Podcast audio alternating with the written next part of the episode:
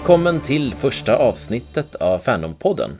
Här är Patrik, Stefan och Håkan från Västerås Fandom. Varmt välkomna. Tackar. Tackar. Det här är egentligen andra programmet vi spelar in. Igår gjorde vi vårt, nämligen vårt första försök. Men eh, när jag satt på kvällen och skulle klippa ihop avsnittet upptäckte jag en grej. Det är nämligen så att jag sitter och hummar hela jävla programmet. Ah, mm, jo. Så att det är det enda man hör om man lyssnar på det här programmet, tycker jag. Det tycker jag Därför så sitter vi då här i Skultuna bibliotek utanför Västerås redan dagen efter och gör ett nytt försök. Så, vårt råd till alla som ska spela in en podd. Håll tyst när de andra pratar. Den där micken kan faktiskt vara bättre än vad man tror. Den, den stora fördelen är att vi inte är nybörjare längre. Nu är vi proffs på det här. Ja, nu har vi redan gjort det här en gång. knäckt koden. Men för er kära lyssnare så är det ju det här trots allt första programmet och vi behöver nog presentera oss lite kort. Så, frågan är, hur fastnade vi i det här fantastikträsket? Vill du börja, Patrik? Ja, jo, men jag kan väl presentera mig lite först också kanske, så folk vet vem jag är. Jag heter Patrik, kommer ursprungligen från Gävle och är 46 år. Ehm, jag driver rolls eh, bloggen rollspelaren.com vid sidan om.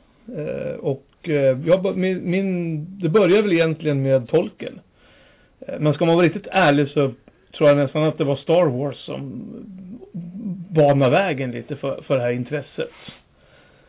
Sen så har vi gått lite i, i vågor det här med, med, det tog väl inte fart förrän på slutet av, av 80-talet tror jag, riktigt. Med, när Äventyrsspel släppte sin, sina fantasyböcker här som, som man liksom riktigt fick upp ögonen för att det fanns en, en värld utanför tolken och, och de här, de få böcker som fanns på biblioteket i Gävle. Mm. Stefan? Ja, det är jag som är Stefan då och vi befinner oss just nu på min arbetsplats faktiskt på Skultuna bibliotek. Och frågan var hur jag hamnade i fantasyträsket och jag anklagar nog professor Tolkien. Det var en lärare på mellanstadiet som eh, läste eh, Bilbo högt för oss. Och jag blev helt frälst. Jag gick till biblioteket och lånade den och läste förbi resten av klassen. Och sen plöjde jag rask takt Sagan om ringen och till och med Silmarillion. Och sen gick jag verkligen ner mig i träsket när Äventyrsspel släppte den blåa lådan. Den allra första måste ha varit 1981. 84 kom den. 84, titta nu gjorde jag mig 82, 82 eller 84, ja 82 kom 82 kom Ja, det tror jag att vi har en rollspelshistoriker med. Ja, 84 kom första svarta lådan. Ja, och då var, blev jag ju helt frälst i, i fantasy och försökte läsa mig igenom allt man, allt som fanns på biblioteket och det var ju inte så mycket på den tiden. Det var ju Steven Donaldson, Ursula Le Guin och ja, lite Delta Science Fiction pocketar som stod och gömde sig i något stackars hörn. Men eh, det, på den vägen har det varit. Mm. Eh, Håkan Wester heter jag. Eh, 40 år. Bor här i Västerås. Jag också sedan ett år tillbaka. Eh, det börjar lite grann, det, kan, det var nog där i samma år som du Stefan. Där man går i femman. Jag, jag minns att vår lärare läste The Hobbit och jag tyckte den var väldigt bra. Och där också började vi spela rollspel. Eh, vi spelade Dungeons and Dragons som en klasskamrat hade lånat av sin storebror och fotostatkopior på den där, kommer jag ihåg. Men sen så kom också äventyrsspels Drakar och Demoner och, och MUTANT och sen när äventyrsspel började ge ut den här eh, romanserien med, med eh, noveller, med roman, romaner då följde man den och så läste man och så blev man ännu mer fast i det där och förstås tolken, en stor bit också man fastnade i när man, man växte upp. Patrik, du har med dig eh, lite böcker. Eh, jo, jag tog med mig lite böcker här som har ska säga, haft stor påverkan på mig när jag var yngre. Och givetvis fortsatt upp i dagarna än idag faktiskt. Att vara böcker som toppar liksom favoritskapslistorna. Även om man kanske inte har läst dem på väldigt länge kanske lika bra att man inte gör det heller. En del av dem ska man inte återbesöka. Nej. Jag gjorde misstaget med Lloyd Alexander till exempel här för några år sedan. Det var, det var ingen bra idé. Mm. Men, men sen finns det väl vissa böcker här och så. Men, men att jag har tagit med mig här då, den första utgåvan av, av Sagan om ringen med Inger Edefelts otroligt vackra omslag faktiskt. Som, eh, måste jag säga, är otroligt fantasieggande. Kanske ett, slår nog definitivt de alla, alla senare utgåvor utav, utav, utav Tolkens böcker faktiskt, tycker jag. Eh, men sen har vi ju då några av de här romanserierna som, romanböckerna som Äventyrsspel gav ut. Mm. Conan här och Elric. Som var lite av personliga favoriter. Man hade ju sett Conan som film också med Arnold Schwarzenegger och, och de här. Det var ju liksom, det var ju det häftigaste som, som fanns nästan. Det var ju, de var ju väldigt banbrytande. Det var ju liksom första gången man fick tag på dem där på svenska och kunde, ja. och kunde tillgodogöra sig dem. Och de fanns i, även i mindre städer. Du behövde inte åka in till Stockholm eller till Uppsala för att, eller Göteborg för att köpa mm. dem. Utan de här såldes ju på Pressbyrån faktiskt i i Gävle? Ja, de sålde, de sålde, ja. de sålde dem, alltså Äventyrsspel hade ett avtal ja. med Pressbyrån att distribuera dem. Ja, jag köpte mina på Konsum i Skultuna. Mm. Ja, jag åkte in då till Tradition eh, i Nordstan i Göteborg. Mm. Det var där man hittade sina ädelstenar. Mm. Så mm. att, eh, var man och hängde, stod man och hängde på Pressbyrån i i, eh, vid tågstationen i centralstationen i Gävle och väntade på att de skulle få in dem. Och stod och ryckte i dörren. Sen har vi ju lite andra här också. Ja, det var ju tack vare äventyrsspel också man fastnade för Terry Pratchett. Det, det får ju äventyrsspel faktiskt ta på sig. Det är väl, det är väl kanske det mest bestående egentligen. Den, den, författare kanske som man har fortsatt att, att ha läst, även när det här intresset för mig i alla fall har sjunkit så har alltid Pratchett varit någon som man har kunnat komma tillbaka till. Man kanske inte alltid känt att, nej men nu, jag har lust att sätta mig och läsa Elric eller Conan och sånt där. Men Pratchett kan man alltid sitta och läsa. Eller lyssna på. Och det där är, det är Olle Salins översättning va? Ja, det är Olle det är den här, det är Magins färg då för det som inte mm. Ni ser ju inte det här då, men det är Magins färg då som, som gavs ut. Det är uh, nummer 16 i serien. Mm. Som de gav ut. Och sen har vi uh, en gammal klassiker från Forgotten Realms också. The Crystal Shard. Så riktigt slog, ja, blev genomslag för hela TSRs bokserie skulle jag säga. Om man inte, ja, vid sidan av Dragonlance då så är det här den kanske mest kända. Och den som kanske också har, på, har fortsatt att ges ut. Ja, jag ser att du har en tjusig volym av Dragonlance ja. Chronicles där. Det, ja. Det var... Inköp på tradition också. Det var nog den första fantasy som jag läste på engelska. Mm. Jag köpte dem på Zetterlunds leksaksbutik i Västerås. Det var inte lätt att få tag på de här böckerna när man, när man var yngre. Mm. Mm.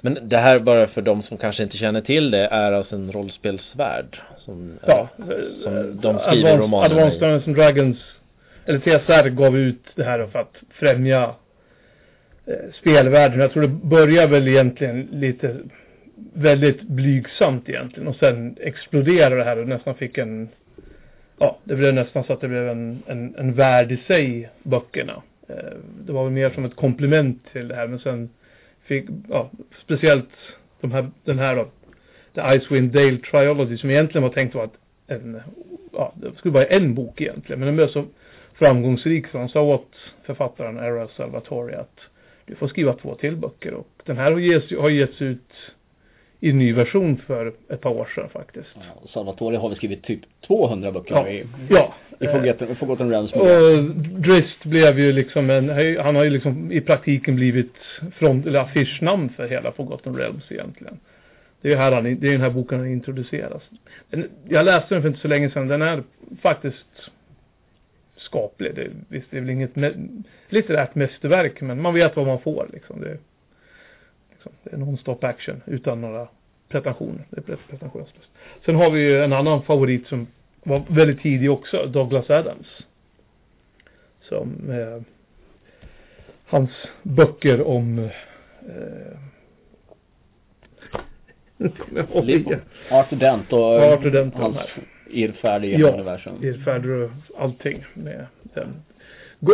Allt mer galet. Osannolikhetsdriften. Ja. ja. Och sen har vi ju en annan favorit också som H.P. Lovecraft. Men han är väl kanske, är väl kanske inte någon sån här jätte, det är väl en, ingen direkt högoddsare i de här sammanhangen. Det är väl nästan en författare som man ska gilla eller läsa, ha läst. Han är de där som jag återvänder till hela tiden. Ja. Hans Hans mytos är ju så, så pass Ja. inflytelserik idag. Så. Ja, det, när jag började läsa honom så, då var det inte så många som kände till honom. Eh, Jag började läsa honom för min mor var hemskt förtjust i- Stephen King och jag, jag började läsa dem lite också, de här tidiga med Stephen King. Sen fick jag börja läsa lite om honom och så upptäckte jag att han hade en stor förebild i, i Lovecraft. Och tänkte jag, men, ja, men kan vi läsa lite om? Så jag fick tag i en bok av Lundvall med Råttorna i väggen tror jag det var. Ja, det var, han gav ut en novellsamling med så här, lite greatest hits som Mm. heter Skräckens labyrinter. Som, Ja. som jag tror många av oss läste och påverkade som. Så den, den och, och sen, ja, tyckte man det här var ju jättehäftigt. Det var ju, det var ju som ingenting man hade läst förut. Eh, Så på den vägen är det. Sen har vi lite, sen har vi Star Wars då, som som sagt var på något sätt, egentligen för min del i alla fall, tror jag banade vägen lite för det här. George Lucas fantastiska Ja. romanversion av eh, A New Hope. Precis, med alla, Alla saknade scener. alla saknade scener som man vet vad som, vad de klippte bort för någonting. Ja, Biggs Dark Lighter. Men det, det är rätt kul faktiskt. Och sen när man ser filmen så blandar man lite, lite lätt ihop det här så att när man sitter och läser så, så har man musiken i bakgrunden. faktiskt. Och sen har vi till sån här kiosklitteratur från TSR med Ravenloft. Med, och annan utav TSRs faktiskt klassiska karaktärer är Strad, vampyren Strad. Som också blev en återkommande figur som jag tror inte heller var någon som de egentligen hade tänkt från början vara någon någon sån här större eh, karaktär utan han Han var, väl- han var väl bara bov i första Han var Ravenloft-äventyret? Ja. Mm. eh, skriven utav eh, utav de klassiska Margaret Weiss och Tracy Hickman som skrev de skrev den eh, äventyrsmodulen till gamla first edition reglerna. Så att eh, ja, det är väl lite småkul här och, och ha de här och bläddra lite ibland. Komma och återvända till lite minnen. Lite Patriks nostalgihörna. Ja, precis. Vi kanske skulle kunna ha någon sån. Där jag får sitta och ha någon nostalgihörna och prata om någonting. kan bli, bli ett stående inslag i podden. långt inslag förmodligen. Ingen som kommer att orka lyssna på det. Jag märker ju av Patriks bokhög här att vi, vi delar ju ungefär samma samma uppväxtminnen när det handlar om science fiction och fantasy. Vi är ju vår tids barn, Ja. 70-talister som eh, upptäckte, eh, upptäckte fantasy och science fiction på 80-talet. Det, det märks ju tydligt när man pratar med människor i ungefär samma ålder. Men det skulle vara intressant att veta vad som påverkar dagens, dagens fans. Vad är, vad är deras inkörsport? Har ni några tankar? Ja, du, du har ju döttrar i den åldern va? Som har upptäckt fantasy, science Det är fiction. mycket Harry Potter. Det är ju det som är hungerspelen. Dystopier? Ja. Det, det, det är väl det som, som, som de läser egentligen. Det är det som är inne. Jag tänker de som är en eh, 22-23 år sådär, de, när de, när de var, började läsa i 11-12 års åldern, då kom första Harry Potter. Och sen så med att de själva blev äldre så kom nya Potter-böcker och de Potter blev äldre. De på något sätt växte upp tillsammans med Potter, har jag hört flera beskriva. Ja, det är någonting som, en, det är någonting som inte en annan har fått uppleva på samma sätt. För tolken var ju, liksom, det var ju färdigt allting. De växer ju inte, karaktärerna växer ju visserligen, men, men, men de, de åldras ju inte på det viset som Harry Potter som går från en liten pojke till, till en ung man. Nej, jag har, jag, har, jag har ju inte den där riktiga relationen till Harry Potter som de som har växt upp med den antagligen har. Nej, jag har inte heller någon, någon riktig... Nej, samma här. Ehm, men jag var ju ute ändå och köpte Potterböckerna när de kom. Och det, det skulle vara det vuxna omslaget. De, de gav ju ut vuxet omslag och lite mer barnsligt omslag. Så. Och ju hur de skulle marknadsföra det. Ja, jag kommer ihåg det där. Det, vi, köpte, vi köpte in båda till biblioteket bara för att, för att locka den vuxna publiken också. Alltså, finns det någon annan bokserie som har gjort så? Och haft två olika omslag beroende på vilken målgrupp de har? Med samma bok då? Inte så vitt jag vet. Inte vad jag kan komma ihåg. Det är lite unikt kanske. Mm. Ja, men vad har vi? Twilight och Hunger Games. Vad har vi mer för några? Alltså det, du har berättat om det förut Maze Stefan. Runner. Maze Runner, en hel bokhylla här på biblioteket. Full Ja. med såna där böcker. Ja, dystopier och vampyrer. Det, Det är det som säljer nu. ja, det är det som säljer. Ja men låt oss gå vidare då. Ja, absolut. Meta, meta, meta, meta, meta, meta, meta, meta, meta, meta, meta, Meta. Just det, dags för veckans meta. Fandompodden. Ja, vad är det för något? För att få några kloka svar ringde vi Joakim Mäki i Umeå, en av initiativtagarna till podden, och hörde vad han hade att säga. Ja, det var väl för att kunna fans ska få höra liksom uh, mer vad kanske som händer runt i Sverige och ja, om man kanske inte känner till att det finns en stor fan och så kan det nya människor kanske upptäcker det och vill komma, komma in i det så att säga. Så att man hörs och syns lite mer. Mm. Ja, precis. Ja, dels att det, det är marknadsföring utåt för att hitta nya fans och att, Ja, precis. men, men också för oss internt att ytterligare få kontakt med varandra, eller hur? Ja, ja precis. Jo, och eh, för vi i Umeå är ju, det är ju folk från Östersund och typ lite byarna utanför. Det är svårt för dem att kanske ta sig in till pubkvällar och så, så det är lätt att kanske ha någon samtal och sådär över, över hela Norrland så att säga, för oss som är norra Norrland. Och då, kan- då kan man ju även ha det som, ja, ha det i en podcast så att andra också kan höra det. Kanske, kanske man lär sig något nytt, upptäcker något nytt och sådär, någon författare eller vad som helst.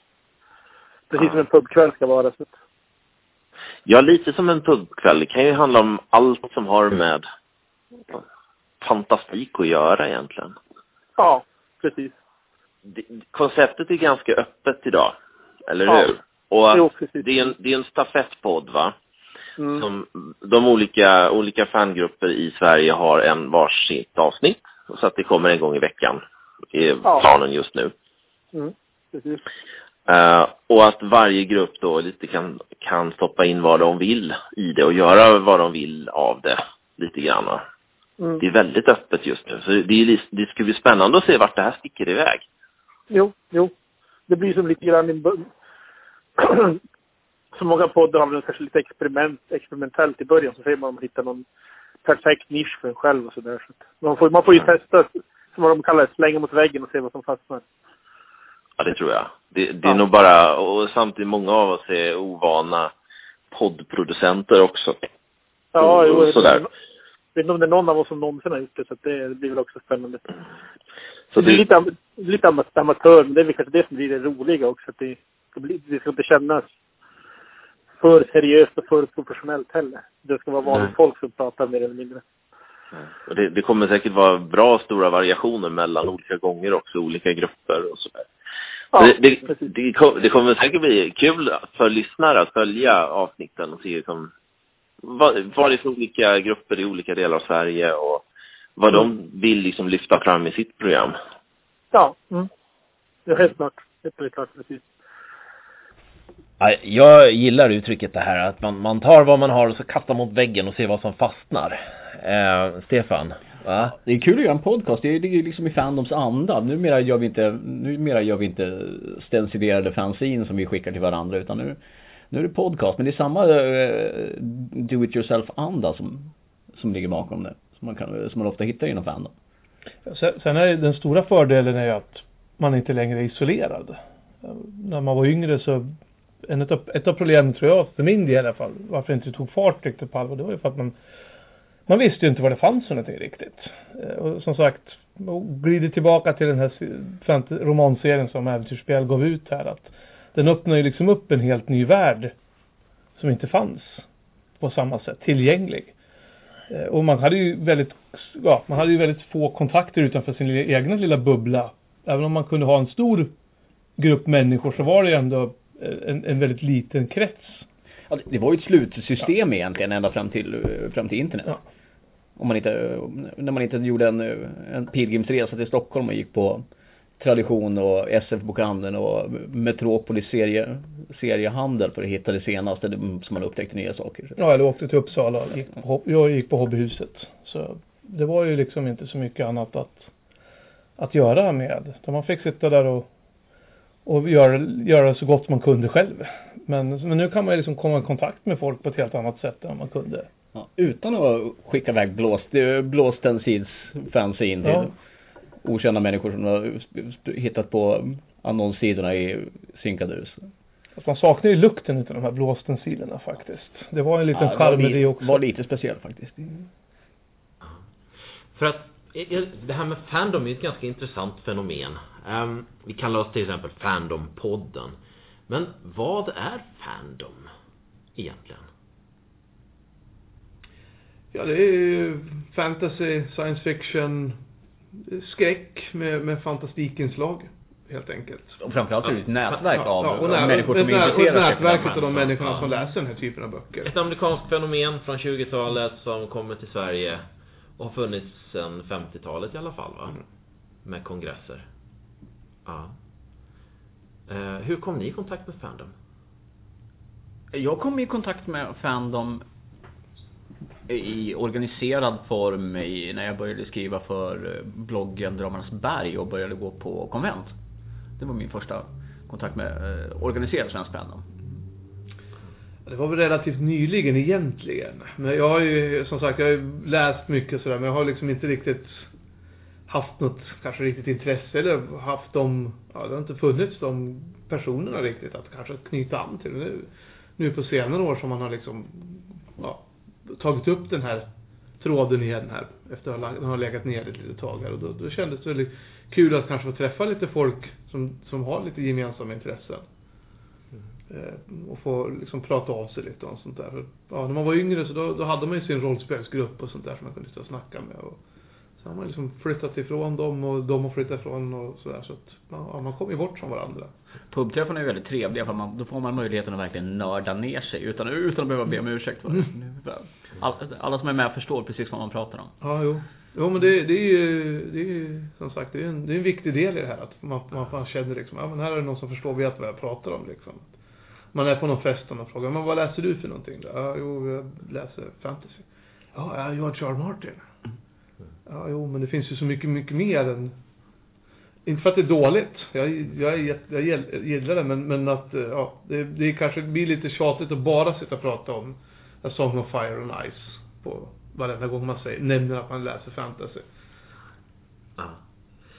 Uh, jag kom i kontakt med det Fandom ganska nyligen egentligen.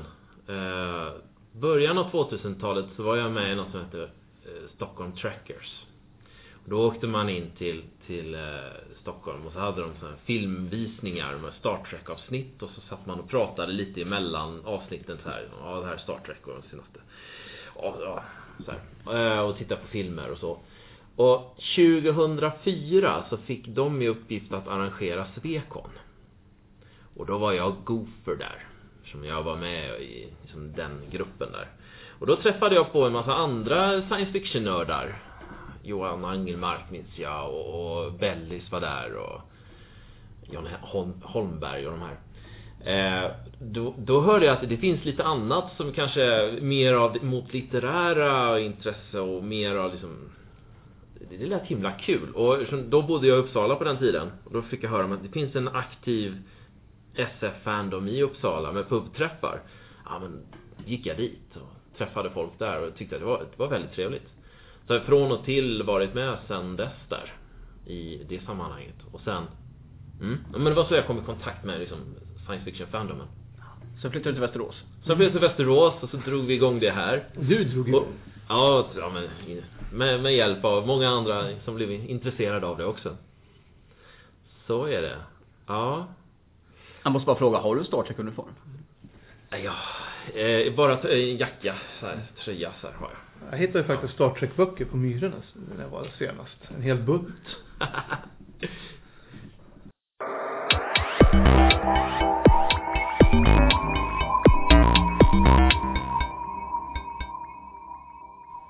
Så här på slutet skulle vi vilja skicka med en fråga till nästa veckas poddsändare. Och det är, vilken SF-bok skulle ni vilja se filmatiserad? Mm, det är något att bita, bita i va? Vad säger ni killar? Vilken SF-bok skulle ni vilja se filmatiserad? Jag skulle nog vilja se en omfilmatisering av Dune. Eller ännu hellre i tv-serieformat. Gärna på HBO med Game of Thrones budget. Det är någonting jag verkligen, verkligen skulle vilja se. Ja, det, det skulle vara riktigt häftigt faktiskt. För det tror jag, det är nog det enda formatet du kan, du kan visa den, den, den böckerna i faktiskt. Eh, jag skulle gärna vilja se Elric.